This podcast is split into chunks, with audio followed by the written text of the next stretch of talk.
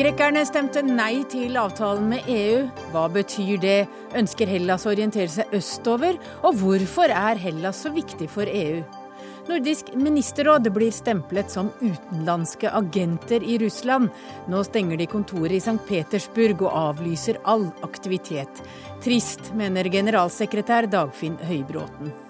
Bystyret i Oslo vil endre loven som gir Kirken ansvaret for begravelser. Dette er en lov som tilhører et annet århundre, sier Human-Etisk Forbund.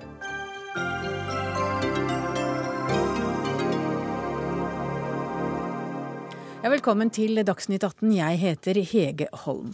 Vi får i dag også høre hva Malala Yousefzai forventer av Børge Brende i kampen for å få flere barn på skole. Og først i denne sendingen skal vi altså til Hellas, som nå har sagt nei til EU-avtale og byttet finansminister i løpet av det siste døgnet. Og også Marit Befring, du er vår eh, europakorrespondent. Hvordan er stemningen i Hellas dagen etter at eh, 61% av grekerne stemte nei til avtalen med EU?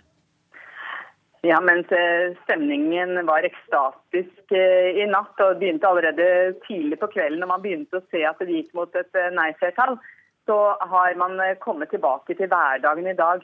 Eller kanskje mer rett å si at de har kommet tilbake til unntakstilstanden, for fortsatt er jo bankene stengt. Folk kan bare ta ut 60 euro av minibanken.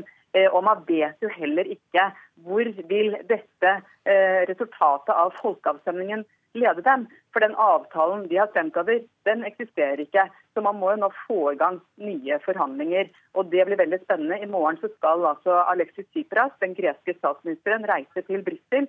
Og da har han med seg et, en søknad om å få i gang nye forhandlinger med kreditorene. Og Vi har jo hørt at finansminister Janis Varoufakis ble kastet som finansminister i dag. Hvorfor det? Varoufakis sa at han ville gå hvis det ble et ja-flertall. Nå går han altså når det blir et nei-flertall.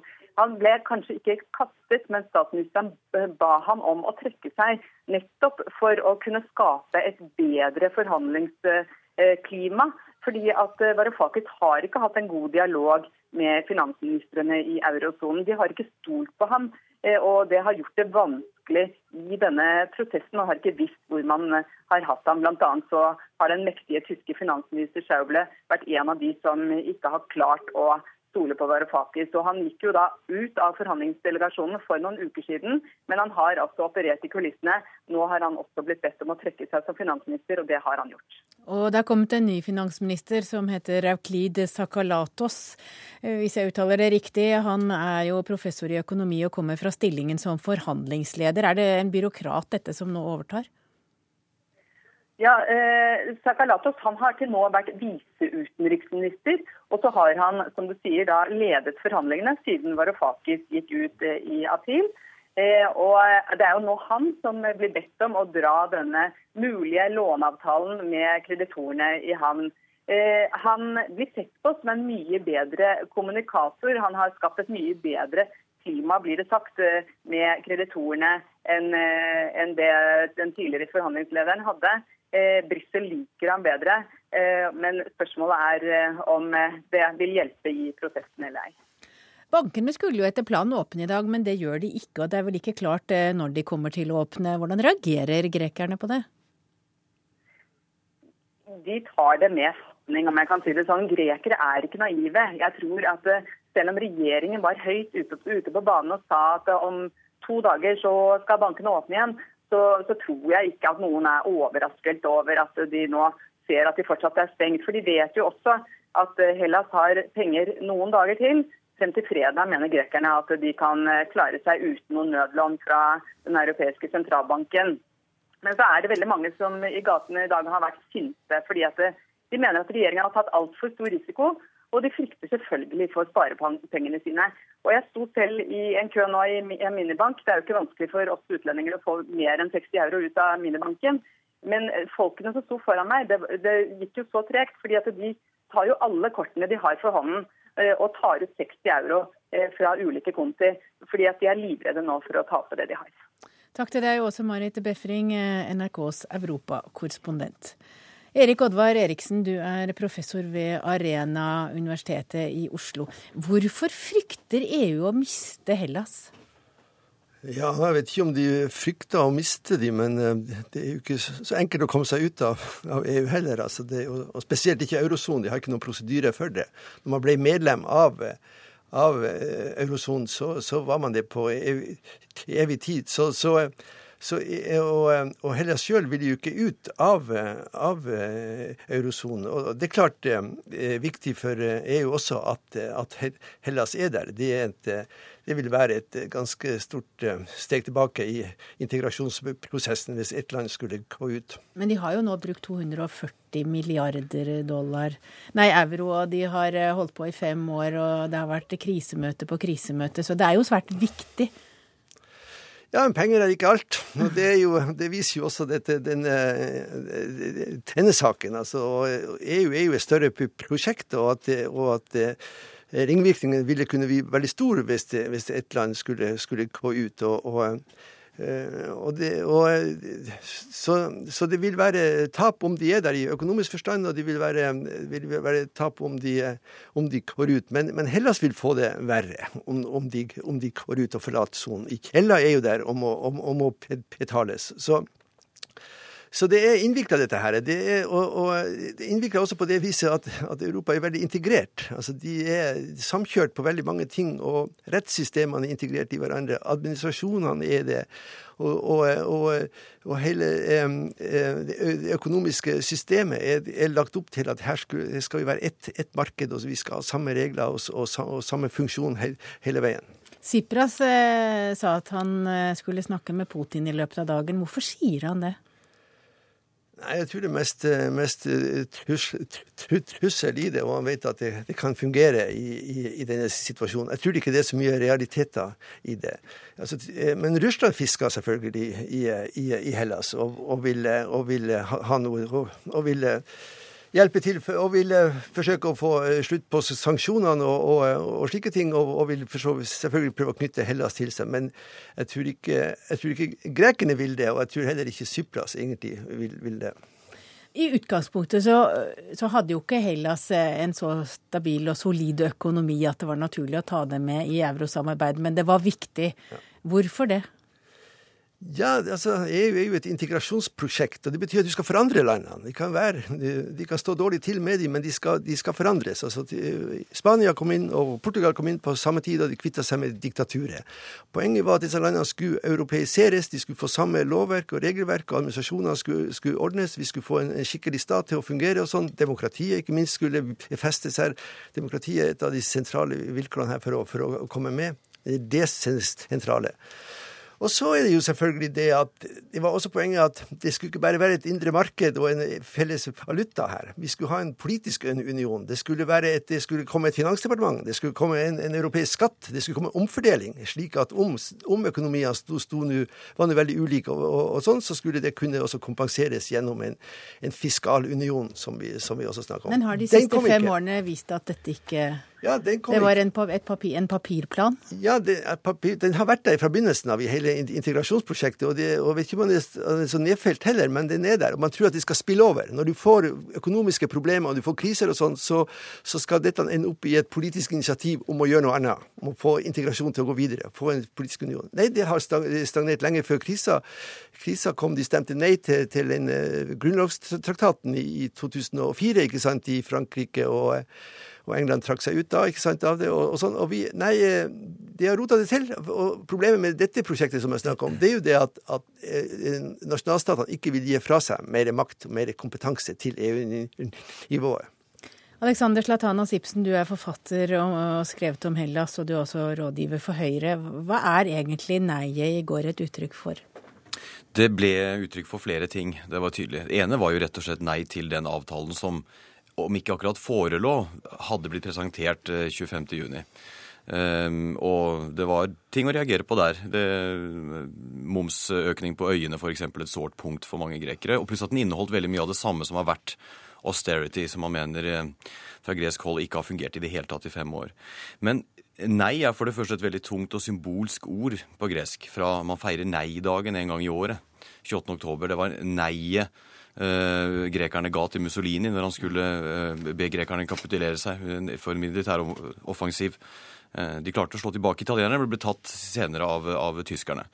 Eh, dette feires årlig. Eh, sist referendum i 1974 var egentlig om man skulle gjeninnføre et konstitusjonelt monarki eller om man skulle innføre en ny helensk republikk. Det var også sett litt på som et nei den gang, for det var nei til kong Konstantin 2., som var eh, egentlig sett på som en utlending av, i hvert fall hans motstandere. Han kommer fra, fra fyrstehuset i Glücksburg. Så nei er en eh, sterk eh, ytring på gresk. Mye sterkere enn et ja. Nei til utlandet.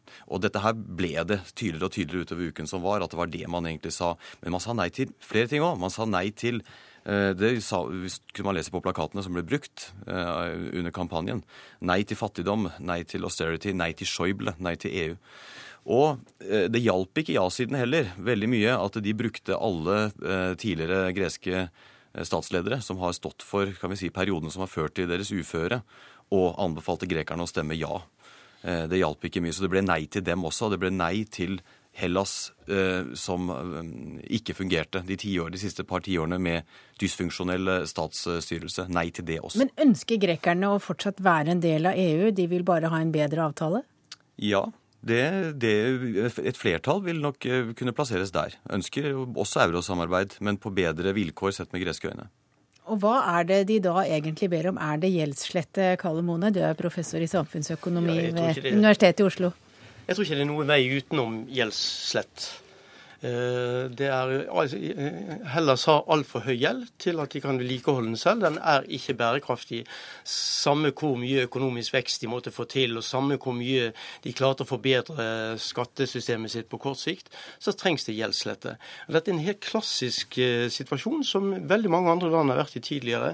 Eh, mange utviklingsland i, i, på 1980-tallet var i en lignende situasjon. De var, de facto så var, måtte gjelden ettergis, men de ville ikke ettergi gjelden. for de som hadde lånt ut pengene, ville ha den politiske makten det er at de fremdeles skylder noen. Selv om de vet at de aldri kommer til å betale tilbake, så får de innflytelse over politikken. Og det tror Jeg, har vært, jeg tror egentlig det neiet som vi fikk i går, det tror jeg vil styrke Hellas sin forhandlingsposisjon til å få en skikkelig gjeldslette situasjon. Og, eh, og, og det, det, tror jeg, for det er veldig mange som andre har sagt her, så, så er det folk som er genuint interessert i EU som har sagt nei i går, og som selv kan tape på kort sikt av at det ble sagt nei i går, fordi de ønsker å demonstrere det at det må få en annen politikk overfor Hellas. Men er vi helt sikre på, hvis de får gjeldslette, at ikke de vil havne i uføre igjen? At de bruker mer penger enn det de får inn? Ja, ingen er vel helt sikker på det, men det er ikke noe gresk spesielt ved dette. Og i alle fall er det ikke den nåværende regjering i Hellas som har skapt denne situasjonen. Det er mange regjeringer. Og det er ikke bare uansvarlige lånopptakere det er også uansvarlige långivere. Så det, en har en sånn veldig moralistisk holdning til en skal diskutere det greske spørsmålet. Jeg tror Hellas har havnet i en uheldig likevektssituasjon, der det mangler tillit, tillit mellom befolkningen og statsadministrasjonen generelt. Veld, befolkningen generelt i Hellas ser på staten som veldig korrupt, og staten fungerer dårlig og vil ikke tilby offentlige goder som vanlige statsadministrasjoner gjør. Og det forsterker den mistilliten som eh, folkene har, og den gjensidige mistillit. Og de tingene kan ikke ordnes før en får en slags tillit og en optimisme i situasjonen. En gjeldslette situasjon kunne bidra til at en beveger seg bort fra denne fastlåste situasjonen, fikk en bedre dynamikk, eller hva en skulle kalle det for, mellom befolkning og regjering, som gjorde det til at en kunne få en normal økonomisk utvikling ellers. Er du enig i det, Slettan og Sipsen? Ja, jeg tror det Den usikkerheten, den, den ja-siden eh, For den var jo tross alt opp mot en 40% Så det, den, det var et absolutt nei-flertall. Men eh, der er det en frykt. Det var ikke det at den siden likte avtalen noe spesielt godt. Det var det at den fryktet eh, konsekvensene av et nei. Og den, den, er ikke endret noe. Jeg hører det Kalle Mone sier. Som, den, men den frykten er der jo fremdeles. Hva kommer ut av forhandlingene? Kreditorene har jo ikke dårlig tid. Hellas har veldig dårlig tid. Så hvis kreditorene, hvis det er noen i EU som ønsker seg Hellas ut, så kan jo de gjøre sitt for å trenere en prosess nå mot en avtale, og dermed bidra til at Hellas dessverre kan snuble ut. Det er frykten eh, som enkelte av oss har. da. Men frykten er jo også at gjeldsslettet vil få ringvirkninger for andre land som sliter? Jeg, jeg tror en kommer ikke utenom at det, er, eh, at det er ringvirkninger eh, i alle tilfeller. La oss si dette at, eh, at Hellas gikk ut av euroen. Da ville selvfølgelig Spania, Portugal være i en lignende situasjon. Om de hadde tenkt å gå ut av euroen i, Portugal og Spania, det er ikke situasjonen. Men det er det faren for at de kan gjøre det. Det er troen innenfor EU-området det at, at euroen er ikke irreversibel, at du kan gå ut og inn av den. Da må de betale høyere rente på sine lån. De er også veldig nedgjeldet. Så derfor så, Det betyr det at Hellas er veldig viktig for EU, fordi at hvis Hellas går ut, så vil de andre, andre EU-land måtte betale mye høyere rente på sine lån, eller oppleve en mye høyere eh, finansiell ustabilitet i sine egne land fordi at euroen ikke lenger oppfattes som irreversibelt, noe som du aldri kan gå ut av. Så Derfor så har Hellas et tak på EU, og EU har selvfølgelig et tak på de, og jeg tror den situasjonen som vi fikk i går, kan være en, en begynnelse til en, en, en bedre utvikling. Jeg lurer på, bare til Kallemoen, er det, Fra en som virkelig håper på en avtale, er det en annen smitteeffekt som er en fare? Som er det at man ikke ønsker å sette presedens for at et land kan demokratisk velge bort sin gjeld ved å si at eh, vi ønsker den ikke lenger? Ja, Det er selvfølgelig en fare. Men nå må vi være eh, oppriktige her. Ta, ta Tyskland. Det er ikke noe land i verden som har misligholdt sin gjeld så mye som Tyskland. Da er det veldig rart at Tyskland er det landet innenfor EU som insisterer på at hvert land må betale sin gjeld. I 1945 en kolossal gjeldsnedskrivelse. I 1953 igjen, etter gjenoppbyggingen. Det går ikke an å ha den tonen som enkelte har i EU overfor Hellas, mener jeg. Må i hvert fall minne hverandre på at dette har skjedd før, og det er ikke noe gunstig å være i den knipen som Hellas er blitt gjort her. Jeg tror dette kan være et god start til en ny optimistisk begynnelse. Og jeg er optimist til at det kan skje. Og jeg støtter de som Er du optimist også? Nei, det, ja altså, jeg er, ja, jeg er enig for alt det er sagt her. Det er bare, problemet er bare det at vi kunne ha forsura forhandlingsklimaet nå, sånn at vi, og, og, det er noen irrasjonelle krefter ute og, ute og går også, slik at det, at det, Symptomet er jo nå at Varoufakis er, er, er, ute. Men, men, men, spørsmålet er om det er tillit nok mellom disse lederne nå til å forhandle fram noe. Men, og det vet vi ingenting om, men det foregår møter eh, over eh, i alle viktige storbyer i Europa hvor man diskuterer hvordan komme ut av det. Fingrene. Så vi krysser fingrene. Takk for at dere kom, Erik Oddvar Eriksen, professor ved Senter for europaforskning, Alexander Slatanos Ibsen, forfatter og rådgiver for Høyre, og Kalle Mone, professor i samfunnsøkonomi ved Universitetet i Oslo. Dagsnytt 18 alle hverdager klokka 18. På NRK P2 og NRK2.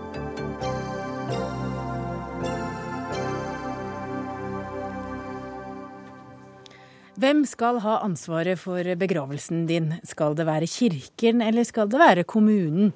Et samlet bystyre i Oslo mener at en trosnøytral part bør ha ansvaret for begravelser, og har nå derfor bedt regjeringen om å endre på gravferds- og kirkeloven. Og i Nyhetsmorgen i dag så kunne vi høre kulturbyråden i Oslo, Halstein Bjerke. I en by som er så sammensatt som Oslo, så mener jeg at det er feil at ett trossamfunn skal representere eh, alle. Mange ønsker ikke å være representert av eh, Kirken, og jeg mener på prinsipielt nivå så handler dette om trosfrihet. Det handler om friheten til å velge religion, og friheten til å velge en religion bort. Derfor kan ikke ett trossamfunn ha ansvar for en handling eh, våre døde ikke kan velge bort.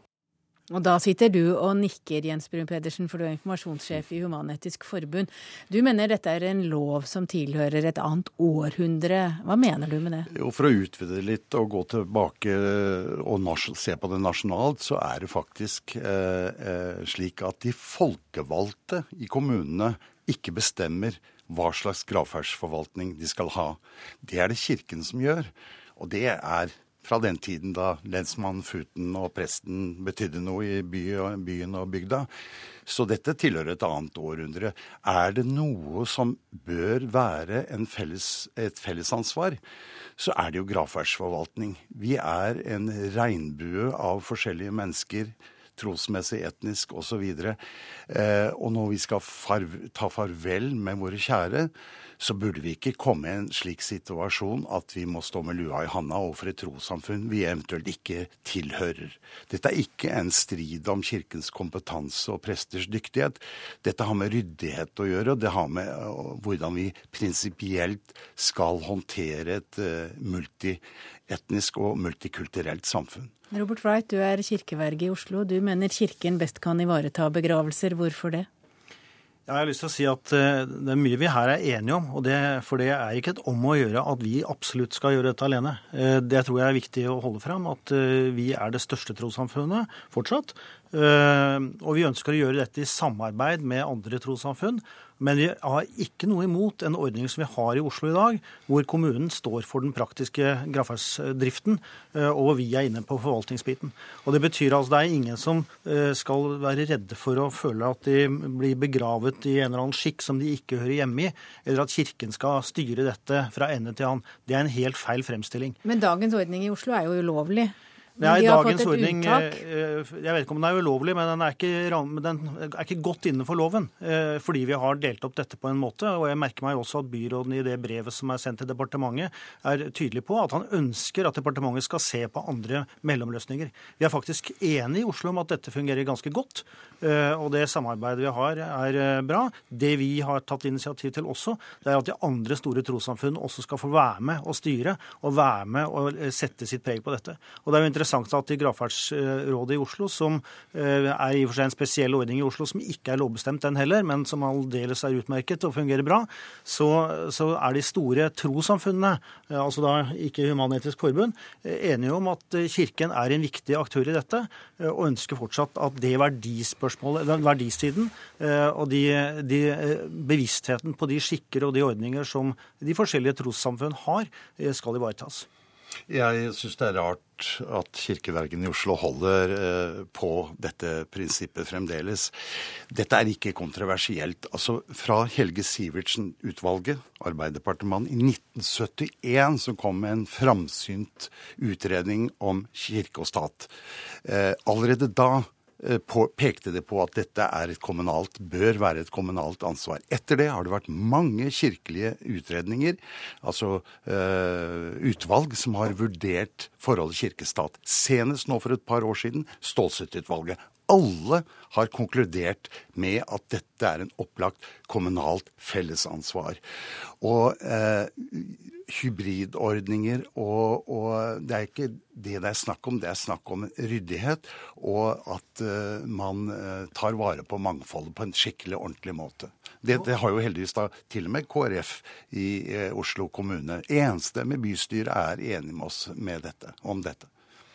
Ja, det er litt hvordan det vedtaket er formulert og sånn, men, men, det som jo er tydelig, og som vi er veldig opptatt av, er at vi er i en flerkulturell by. Eh, og da må disse trosaspektene og den verditenkningen som ligger til grunn, den er viktig.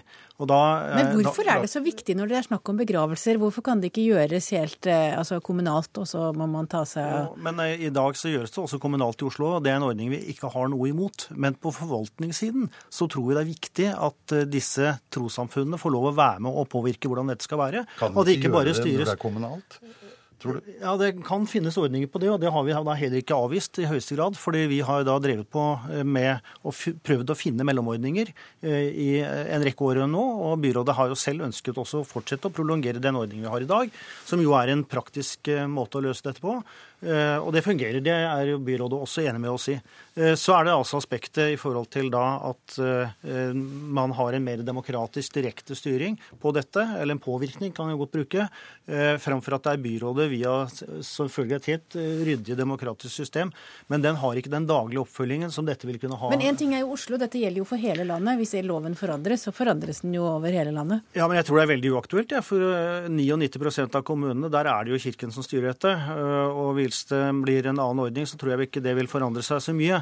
Og nå, nå har jeg lyst til å si, altså, fordi Viktigheten av dette er ikke at det er Kirken som skal drive det. Det tror jeg er viktig å si til Brun Pedersen og andre. i forhold til at... Vi eh, snakker vel om forvaltningsansvaret? Vi snakker om forvaltningsansvaret, ja. ja helt enig. Og hvorfor uh, tviholde på det? Altså, Særlig i Oslo by, den mest multikulturelle, multireligiøse byen vi har, hvor kun én av to innbyggere er medlem av din kirke. Ja, men, det, men da må du ta også spørre kanskje de som sitter i muslimsk råd, eh, katolikkene, buddhistene. Men de gjemmer deg bak minoritetene. Jeg tror du skal Nei, jeg tror, jeg, jeg tror faktisk ikke bare det er jeg, jeg har en, et, Sånn sett er det et flertall i kirken, men jeg tror at den bevisstheten på kontinuerlig å kunne følge dette, den er ganske viktig.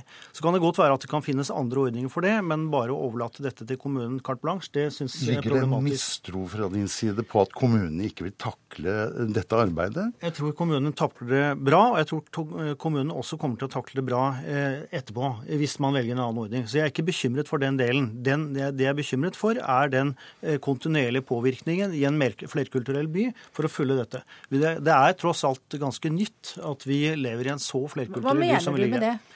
Jo, at eh, vi har en eh, endring i strukturen som, eh, som har gått over noen relativt få år, må vi si. eh, Hvor eh, byens innbyggere ser annerledes ut, eh, sammensetningen. Eh, Og i den setting så er det viktig å være kontinuerlig på og se hva er det enkeltes behov. Og det prøver man jo veldig sterkt å legge vekt på. Det mener du Den norske kirke er bedre i stand I til enn kommunen? I samarbeid med andre, ja.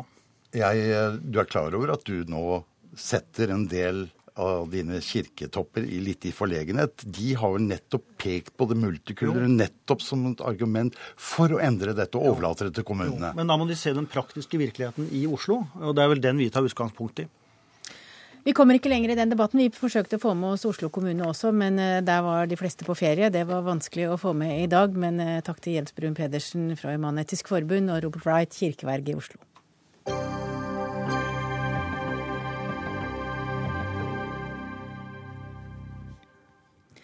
I St. Petersburg er nå de ansatte ved Nordisk ministerråds kontor i ferd med å pakke sammen. Russerne er ikke lenger interessert i samarbeid. Putin har satt Nordisk ministerråd på liste over utenlandske agenter. Og dermed er det slutt. Dagfinn Høybråten, du er generalsekretær i Nordisk ministerråd. Du sier det er trist og det er tungt. Hva er det som egentlig har skjedd? Det som har skjedd, eh, har sine røtter tilbake til eh, tidlig på 90-tallet, da Nordisk ministerråd, eh, som også er samarbeidsorganet for de fem nordiske lands regjeringer, innledet et samarbeid og etablerte informasjonskontorer i Nordvest-Russland. Da fant man ut at disse kontorene kunne ha status som ikke-kommersielle organisasjoner. Det var ganske tilforlatelig den gangen. Men i eh, 2012 fikk Russland en ny eh, lovgivning for eh, såkalte NGO-er, altså eh, sivilsamfunnsorganisasjoner, som eh, eh, setter hele dette samarbeidet under eh, helt nye betingelser. I, henhold til den lovgivningen så vil eh, organisasjoner som er finansiert fra utlandet, og som driver det russiske myndigheter mener er politisk virksomhet, eh, ha eh, krav på seg om å eh, registrere seg som en utenlandsk agent. Og i russisk sammenheng så er det eh, nærmest å ligne med å være spion. Å være en fiende av staten. Så Nordisk ministerråd er egentlig spioner fra Norden inn i Russland? Ja, slik må vi jo forstå det faktum at eh, russiske myndigheter har valgt å sette oss på den listen, eller sette vårt kontor i St. Petersburg, og etter hvert også kontoret i Kaliningrad, på denne listen. Eh, Det innebærer eh, jo det, det absurde at eh, et organ som representerer fem regjeringer i nabolandsregionen av Russland, som har hatt et tillitsfullt samarbeid med lokalmyndigheter, med sivilsamfunnsorganisasjoner og et avtalt samarbeid med den russiske sentralmakten, plutselig over natten skal registrere seg som en utenlandsk agent. Men er det formalisme, eller er det et ønske om å ikke ha Nordisk ministerråd til stede i Kaliningrad og St. Petersburg? Det kommer an på hvem du spør. Jeg tror at eh, alle de vi har samarbeidet med gjennom årene, eh, er veldig lei seg for det som nå skjer. Eh, Og samtidig så er det ingen tvil om at de som nå rår i Russland, de har målrettet ønsket et slikt utfall. Eh, Og Nordisk ministerråd har vært nødt til å ta konsekvensen av det. Eh, Vi kan ikke operere eh, på den ene siden å representere de nordiske lands regjeringer, på den annen side operere som utenlandsk agent i, nå- i Russland. Jeg blir jo veldig nysgjerrig. Hva er det dere har gjort i Vi har, Russland? vi har gjennom disse eh, 20 årene hatt en, en omfattende prosjektvirksomhet som eh, handler om eh, samarbeid på det kulturelle området, samarbeid innenfor utvikling av lokalforvaltningen, samarbeid med frivillige organisasjoner om formidling av den nordiske modellen og de, de verdier som, som vi ser er sentrale i, i den nordiske samfunnsmodellen. Og det er jo politikk. Det er klart at uh, alt er jo politikk. Eh, men det har ikke vært, hatt karakter av politisk agitasjon eller politisk virksomhet, i den forstand vi ville definere det mer spesifikt. Uh, men den lovgivning som Russland har fått og hatt siden 2012, den gir muligheten til å definere alt som politikk. Og siden vi er finansiert fra utlandet, så er det klart at denne, denne muligheten så vi. Og jeg har lyst til å føye til at En av grunnene til at vi nå finner det nødvendig å, å lukke og slukke eh, i St. Petersburg, det er at hvis vi skulle fortsette virksomheten som utenlandsk agent, så ville vi ikke bare stille oss selv i forlegenhet, det er én ting, men vi ville også eh, så å si smitte våre samarbeidspartnere. De ville få det samme den samme mistanke rettet mot seg. Eh, og vi ville skape eh, store problemer for eh, mange sivilsamfunnsorganisasjoner som vi har hatt et, et godt samspill med. Så med andre ord så har dere ikke noe valg, dere må lukke og slukke? Vi har ikke følt at vi har hatt noe valg. Men jeg har lyst til å si vi brenner ikke alle broer. Vi kommer til å fortsette den type prosjektvirksomhet og samarbeid som ikke forutsetter at vi er til stede i Russland. F.eks. For forskningssamarbeidet kommer vi til å fortsette. Og vi kommer til å opprettholde samarbeidsavtalene om vår tilstedeværelse i Russland på det juridiske minimumsnivået som, som, er der. Slik at hvis det skulle bli en annen utvikling i Russland, noe man selvfølgelig kan håpe på, men som det ikke er noen tegn til akkurat nå, så har vi muligheten til å ta opp igjen virksomheten. Geir Flikke, du er førsteamanuensis ved Universitetet i Oslo, og du er ekspert på Russland. Hva vil det si å være klassifisert som utenlandsk agent? Det er denne loven som skaper denne klassifikasjonen.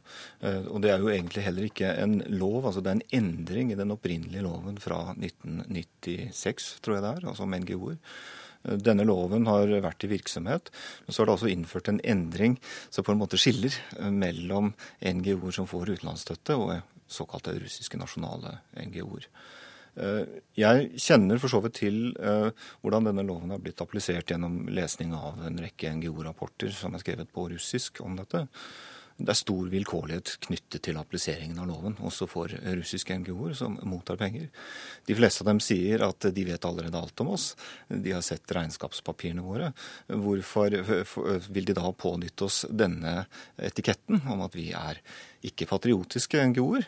Eh, hvorfor vil de da sette oss i en bås for seg, som gjør at vi for så vidt ikke kan fylle de oppgavene som våre NGO er innrettet mot å fylle? F.eks. valgkursvirksomhet. Eh, men, men, når man skreller av det formelle, er det et ønske om å, å få Norden og Norge og kontorer som Nordisk ministerråd ut av landet?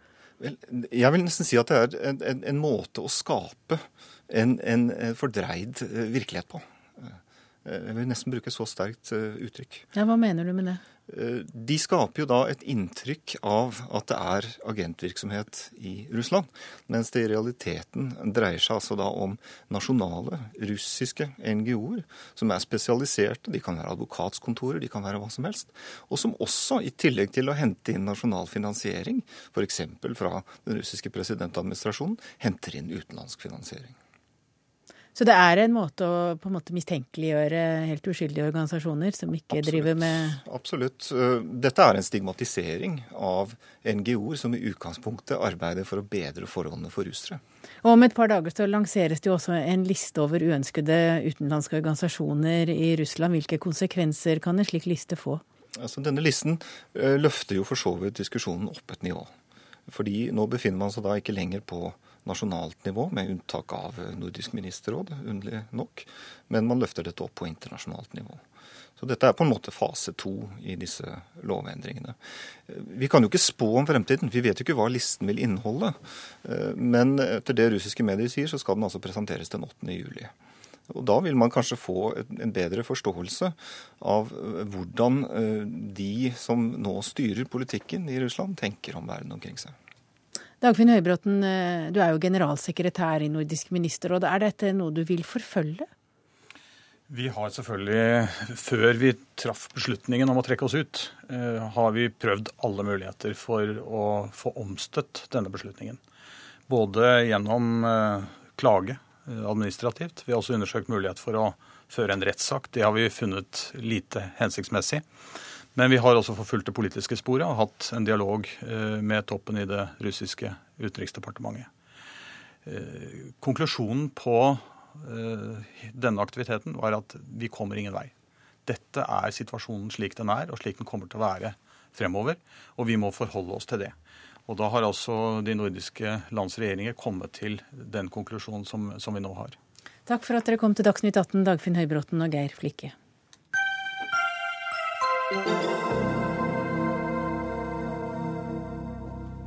Aldri har boligprisene i Norge vært høyere, og aldri har det vel vært vanskeligere for ungdom å komme seg inn på boligmarkedet.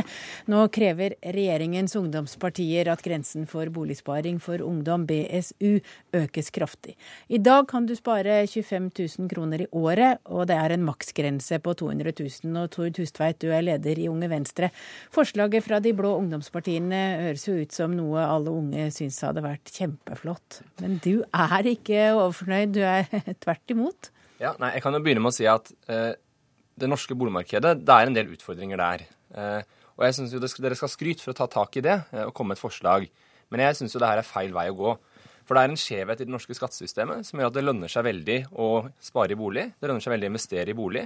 Og det har ført til et A- og et B-lag i Norge, hvor de som er innenfor boligmarkedet, får veldig mange goder. Og de som ikke er innenfor boligmarkedet, får veldig lite. Eh, og det å øke BSU det vil være med på å forsterke det. Ja, For, for det gir også skattelette. Ja, for da gir det en skattelette til alle som har råd til å kjøpe bolig, eller som kommer til å få råd til å kjøpe bolig, eh, og da er på det A-laget. Mens alle andre blir da sittende og måtte betale for de som eh, allerede har det ganske bra. Så da syns jeg man heller skulle si istedenfor at greit, nå skal vi øke skatten til de som har råd til å kjøpe bolig, kunne man heller sagt vi, øker skatten for de som har, vi senker skatten for de som har minst, eller vi senker skatten for alle, sånn at alle, enda flere får da litt sitte igjen med litt mer penger, og ikke bare de som har en del fra før. Ja, Kristian Tonning Riise, du er leder i Unge Høyre. Driver dere bare og lager enda større forskjeller? Nei, altså jeg er enig veldig med det Tord sier, om at det må bli mer lønnsomt å investere i eh, næringsliv f.eks., kontra å investere i, i bolig. Men eh, jeg syns det er litt merkelig at, det er, eh, at den gruppen man går løs på, er de unge menneskene som vil inn i boligmarkedet. For jeg mener at det har vært veldig positivt for Norge at man har eh, hatt et system der 80% av befolkningen eier sin egen bolig. Det har ført til at man har høy sosial mobilitet, at mange har fått være med på velstandsvekst i Norge. Det har ført til lav ulikhet. Og så er jo utfordringen nå at det er veldig mange unge som sliter med å komme inn på boligmarkedet.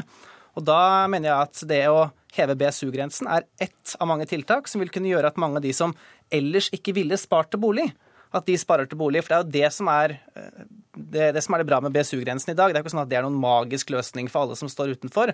Men det er veldig mange unge mennesker som ellers ikke ville spart, men som sparer i dag pga. Eh, BSU-ordningen. Og det mener jeg er en positiv ordning. Altså, for er det mange andre tiltak vi kan gjøre. Både for å hindre at du får en eskalerende boligboble, og sørge for at det blir eh, mer lønnsomt å også investere i kapital andre steder enn bare i bolig. Ja, altså, Jeg deler jo Kristians syn her på at det er veldig positivt at mange i Norge eier. Eh, men så deler jeg ikke ditt syn på hva som er et godt virkemiddel for å sikre at vi fortsatt har det sånn. Eh, jeg synes at Skal man først bruke mer penger eh, i boligmarkedet, så burde man brukt det på å styrke Husbanken. Jeg syns det er veldig bra vi har bygd flere studenthybler som er på å avlaste boligmarkedet for de som er for unge. Men BSU-ordninga er med på å forsterke det problemet vi har. Og det er at veldig mange investerer Men kan det ikke også være en, et incitament, altså, altså, incitament eh, at, at, ungdom blir inspirert til å spare når vel, de kan tjene på det? Vi ser at Spareraten blant unge er høy i Norge. Eh, og det er ikke nødvendigvis pga. BSU, det. Og det jeg mener er nå er det, veldig, det er veldig, veldig, veldig attraktivt å eie bolig i Norge, så det er ikke insentiver som mangler. Eh, det som er problemet, er at det bygges for lite. At man har strenge reguleringer der. Og så er det en utfordring at vi har et skattesystem som gjør at det investeres veldig mye bolig.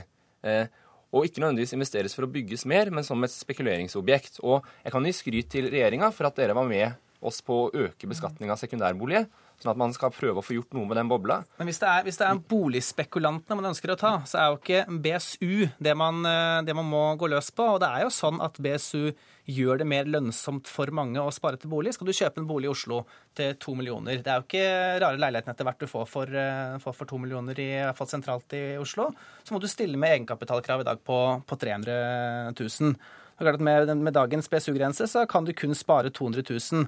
Hvis du økte den til 300 000, så ville du i hvert fall sørget for at uh, man kan spare det egenkapitalbeløpet man må stille med for å få en adekvat leilighet i Oslo, også i, i andre store byer hvor også det begynner å bli veldig dyrt å kjøpe. Hvorfor ikke heve mer enn til 300 000? Ja, det kunne du godt gjort. 300 eh, 000 mener jeg er et godt sted å, godt sted å starte, ikke minst fordi at jeg tror vel alle de eh, borgerlige moderpartiene. I hvert fall så har eh, Høyre og Frp det i sine programmer, at man ønsker å utvide det til 300 000.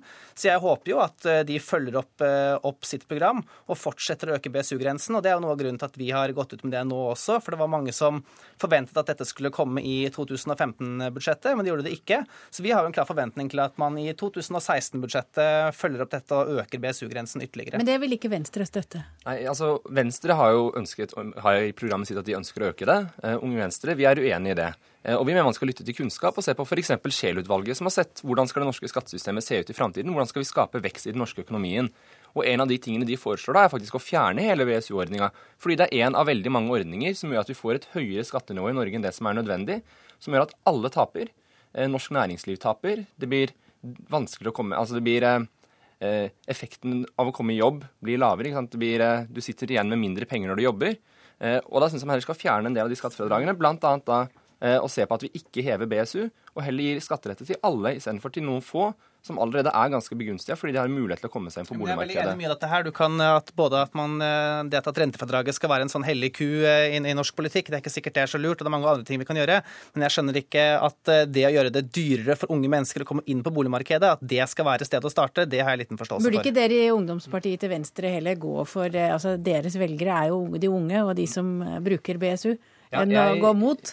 altså, jeg liker jo å tenke at jeg driver politikk fordi jeg gjør noe som jeg mener er riktig, og ikke nødvendigvis det jeg tror er riktig for å få flest velgere.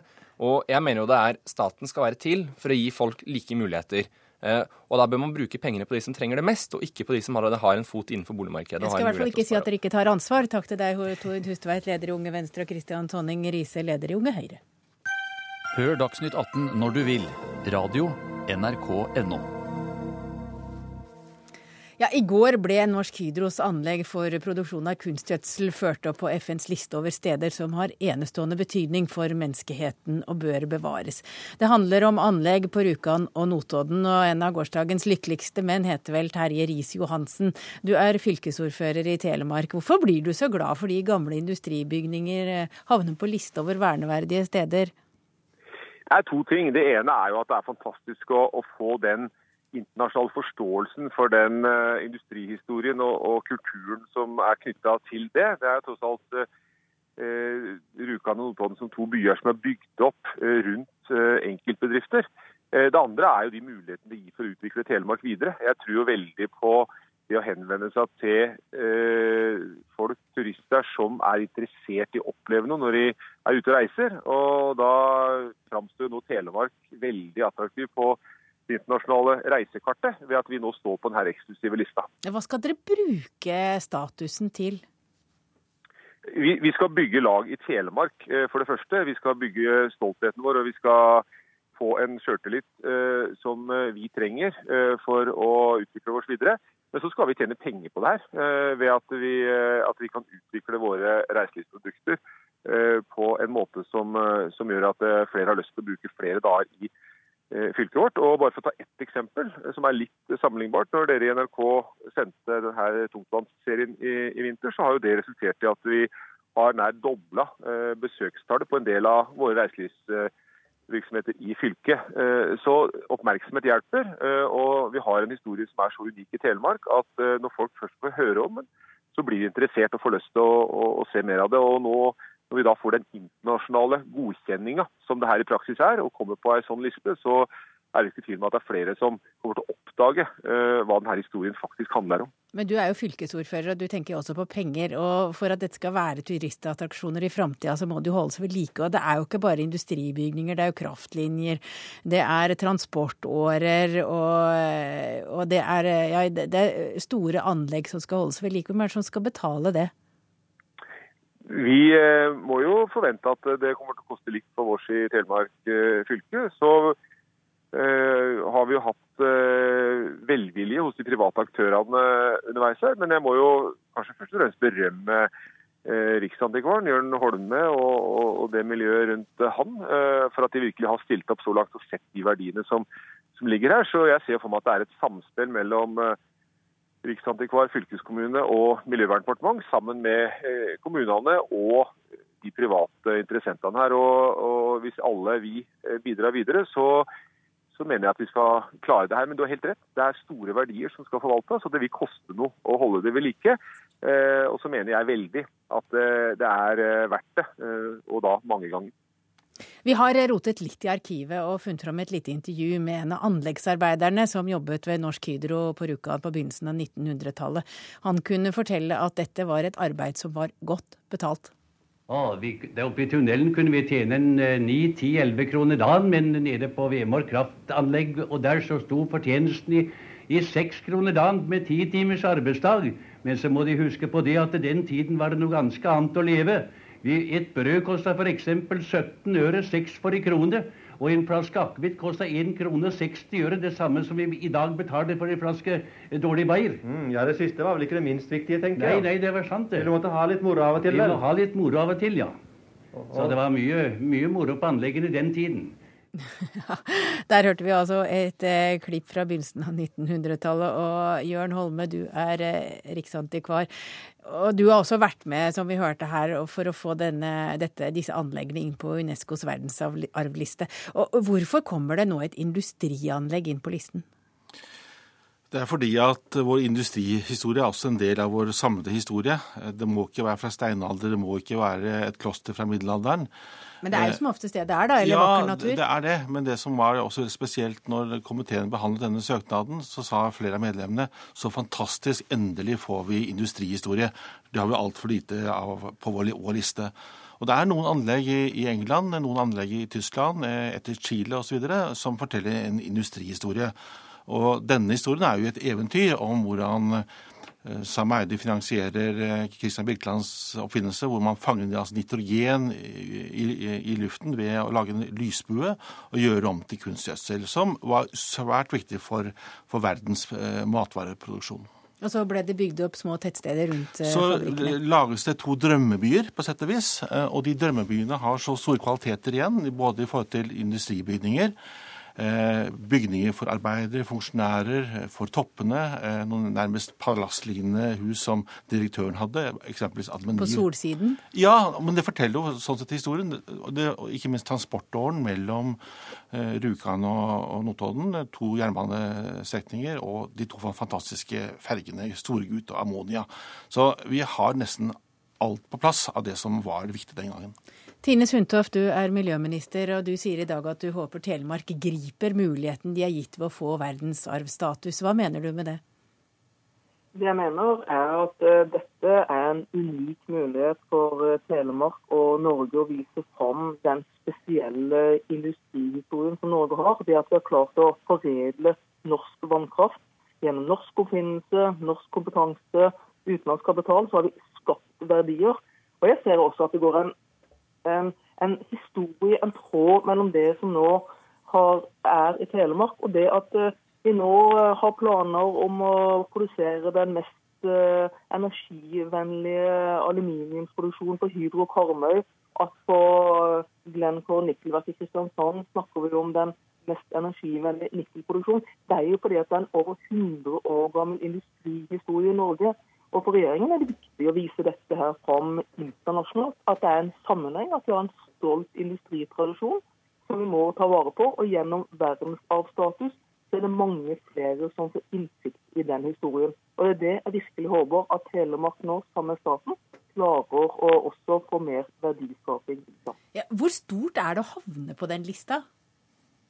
det er stort å havne på den lista. fordi eh, internasjonalt det er mange som legger opp eh, sine reiser etter hvor det er mulig å besøke verden, eh, verdensarvsteder. Fordi at der opplever du noe unikt. Du opplever noe som ikke er overalt i verden. Og du får også muligheten til å få noen spennende historier, se de sammenhengene. Du blir mer beriket som turist og drar på verdensarvsteder. Du lærer noe mer. Og det er nettopp det som nå gjennom denne statusen, at mange flere får øynene opp for den spesielle norske industrihistorien, som da Telemark er veldig sentral i. Og som jeg sa, nettopp den sammenhengen fra Vemork sto ferdig i 1911, så var det verdens største kraftstasjon. Klarte man å lage kunstgjødsel som har betydd enormt for verdens matproduksjon. Og så er Norsk Hydro et vitalt selskap i dag som har ambisjoner om å produsere det mest energivennlige eh, aluminium i verden. Og nettopp de sammenhengene vi har klart å ta vare på i Norge gjennom 100 år, som vi nå har lyst til å fortelle resten av verden, og som jeg tror resten av verden har lyst til å lære noe mer om. Takk til deg, miljøminister Tine Sundtoft. Eh, Jørn Holme, hvilke forpliktelser følger en verdensarvstatus? Det er jo eh, viktig å si at når man har funnet ut at vi har universell e, enestående eh, verdi i Norge, så forplikter det. Uh, slik at, uh, ja, Nå er vi veldig glade fortsatt, men det er en forpliktelse for Norge som stat å følge opp dette. Og det har skjedd faktisk at man har mistet verdensarvstatus. Eksempelvis mistet Dresden det i 2009, når ble laget en motorvei over en elvebredde som var en del av verdensarvområdet. Så men når ja. du først har fått statusen, må du f.eks. kunne tilby båtturer over Tinnsjøen eh, som, eh, og togturer ned til Tinnsjøen og til eh, Notodden? Vi håper vi skal få det til. Storgutt er seilingsklar nå i sommer. Og også ammonia som går på damp, den skal vi få, få i live i og, og, få til å gå på sjøen. Vi kan ikke love eh, at alt altså all transportstrekning kan, kan, brukes. Her er det offentlige krav i forhold til sikkerhet og den type ting som kommer inn. Men det det skal bli en, en, en, reisemulighet som skal bli eventyrlig for til å kunne reise mellom Notodden og, og Rjukan, og ikke minst oppleve disse fantastiske industrianleggene. Og altså, Når du ser på kraftstasjonene eh, i denne delen av Telemark, så er det som slått eh, i, eh, i, Frankrike eller Italia. Men det er jo store damområder du skal ta vare på, ja, demninger Ja da. Eh, Møsvann er en del av, av buffersonen. Så det er ikke noen fredning av vannreservoarene i den forstand, men, men, det som er viktig med et kjerneområde i både Notodden og, og, og Rjukan, og også denne transportsterrengen, det er at vi har også en buffersone som gjør at man skal kunne oppleve disse verdiene i en sammenheng. Nå har du fått Rjukan og Notodden inn på verdensarvlisten, og fra før av så har vi jo Urnes stavkirke, Bryggen i Bergen, Bergstaden, Røros, eh, vestnorsk fjordlandskap for å nevne noen. Hva blir det neste prosjektet? Ja, Vi har noen tanker om at det samiske eh, bør komme inn. Det er unike samiske kulturminner eh, i Varangerområdet. og Vår tanke er å nettopp se på det, men også se på vikingarven. Eh, der må vi gå en ny runde, slik at vi er innstilt både for å få vikingarven og de samiske kulturminnene på listen en dag. Takk til deg, riksantikvar Jørn Holme. Takk også til Terje Riis-Johansen, fylkesordfører og miljøminister Tine Sundtoft.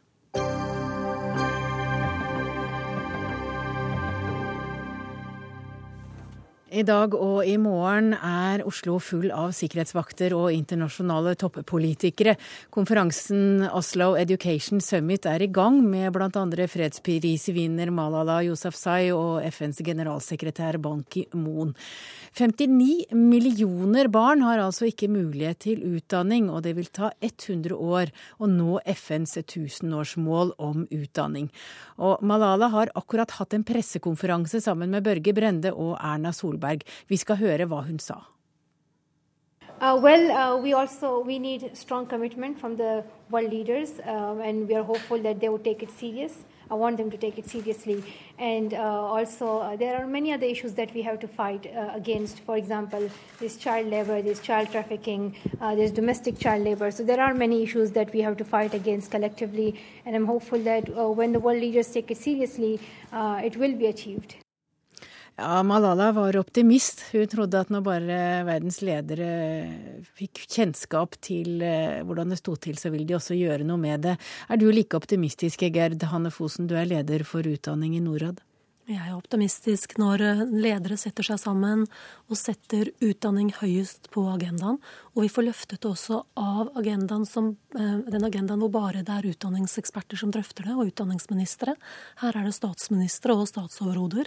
Det gir meg ny optimisme for at utdanning kommer til å komme høyere på agendaen, og når det er høyere på agendaen, at det vil føre til at vi snur den negative finansieringstrenden. Ja, Anders Tvegård, eh, du er journalist her i NRK, og du har fulgt konferansen din i dag. Og du er på Oslo rådhus nå, eh, der det skal være en eh, mottagelse. Hvordan er stemningen? Tror du også at bare politikerne får kjennskap, så kommer de til å gjøre noe med det? Det er jo et forsøk i alle fall fra Norges side på å skape økt engasjement. Og en av de politikerne og vertene for konferansen det er statsminister Erna Solberg, som akkurat nå har kommet opp den røde løperen her på eh, Oslo rådhus. En av mange konferanser, statsminister. Utgjør dette noen forskjell? Det utgjør en forskjell når du får folk til å komme og forplikte seg. det er jo Alle FN-organenes ledere er jo her. Eh, flere, både presidenter og statsministre fra flere land og masse utdanningsministre. Og så vi, har vi jo forsøkt å spisse oss mot dette med finansiering av utdanning, utdanning i konfliktområder, eh, og ikke minst også kvalitet på lærere. sånn at vi forsøker å spisse noen temaer som er viktige for de såkalte Sustainable Development Goals, altså bærekraftsmålene som skal vedtas til høsten. Og som jo er viktig fordi at utdanning bærer sammen veldig mange av utfordringene for land. Vi vet at hvis vi satser på utdanning, så blir helsen bedre. Særlig jenters utdanning gjør at barn får bedre helse, de gifter seg senere. Vi når mange av de andre sosiale målene våre samtidig. Hvordan vet vi om dette har blitt en vellykket konferanse? Ja, først og fremst ved at den putter eh, sak, altså utdanningsspørsmålet høyere på agendaen fremover. Eh, derfor så er det jo viktig for oss å få noen, eh, noen eh, videre løp etter denne konferansen. og Det kommer vi tilbake til i morgen. Du har akkurat kommet fra møte med Malala. Hun har sendt et brev til deg der hun krever utdanning for, i tolv år for alle. Hva svarer du? Jeg syns jo at det er viktig å, å, sørge for at du kan få mulighet for tolv års utdanning. Det som er viktig, er å sørge for at det både er på yrkesopplæring, altså på på det å lære, altså det å lære et fag, og ikke bare akademisk utdanning. Og det er fordi at i mange land i tredje verden så satser man veldig mye på den akademiske veien, og så får man ikke god nok yrkesutdanning av det.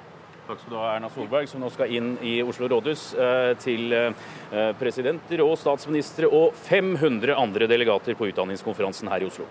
Takk til deg, Anders Tvegård og Geir Hanne Fossen, du sitter her i studio. Hvilken rolle kan Norge spille i arbeidet for å nå de tusenårsmålene man har satt om utdanning? Norge kan være politisk leder og ha den politiske lederrollen. Det at en statsminister og en utenriksminister setter utdanning høyest på sin utviklingsagenda, er med å fylle et tomrom som vi har hatt i flere år, hvor du ikke har hatt en veldig tydelig, sterk politisk ledelse på øverste nivå. Eh, slik sett er det viktig for å løfte opp eh, tematikken. Eh, både utdanning Men hvor er det det butter? Vil, hvis du spør, så vil man jo være for utdanning Eh, uansett hvilken statsleder du snakker med, vil jeg tro. Jeg tror det butter på flere områder. Er, eh, finansiering er eh, et tema. Er, stater selv finansierer ofte mye i utdanning og er villige til å ta, ta det finansieringsløftet. Det har vært, vi har sett en liten nedgang i finansiering fra givere. Den trenger vi å få opp igjen, sånn at er, vi fyller, er med og fyller det gapet som fremdeles er. Så må vi jobbe mer med kvalitet. Eh, det betyr også kanskje reformere lærerutdanninger. Ser på hvordan man kan få motivert lærere til å bli i skolen, til å eh, fornye hvordan man jobber i skolen. Jeg tror også ekstra løft for jenters utdanning. Noen av de gruppene som ikke får utdanning, er kanskje de fattigste jentene på landsbygda. De kan være minoriteter, minoritetsreligioner, snakke minoritetsspråk, eh, eller ha funksjonsnedsettelser. Og noen ganger så får du alle disse tingene oppå hverandre. Eh, det er nødvendig å få politisk vilje på alle nivåer for å nå disse aller mest marginaliserte barna. Men, men, selv om man ikke når tusenårsmålene, ser man en positiv utvikling, eller står det stille? Absolutt. Det er det som gjør det interessant å jobbe med. Fra 2000 til nå så er det ca. 50 millioner flere barn som går på skole enn da vi begynte med det løftet som vi er inne i. Og 40 millioner flere ungdommer som sitter på skolebenken. Og det er jo betraktelig løft, tross alt. Takk til en optimistisk eh, Gerd Hanne Fosen, leder for utdanningsteamet i Norad. Denne sendinga er over. Ansvarlig for sendingen var Sara Victoria Rygg. Det tekniske ansvaret hadde Eli Kyrkjebø. Jeg heter Hege Holm, og da ønsker jeg alle en riktig god ettermiddag. P2.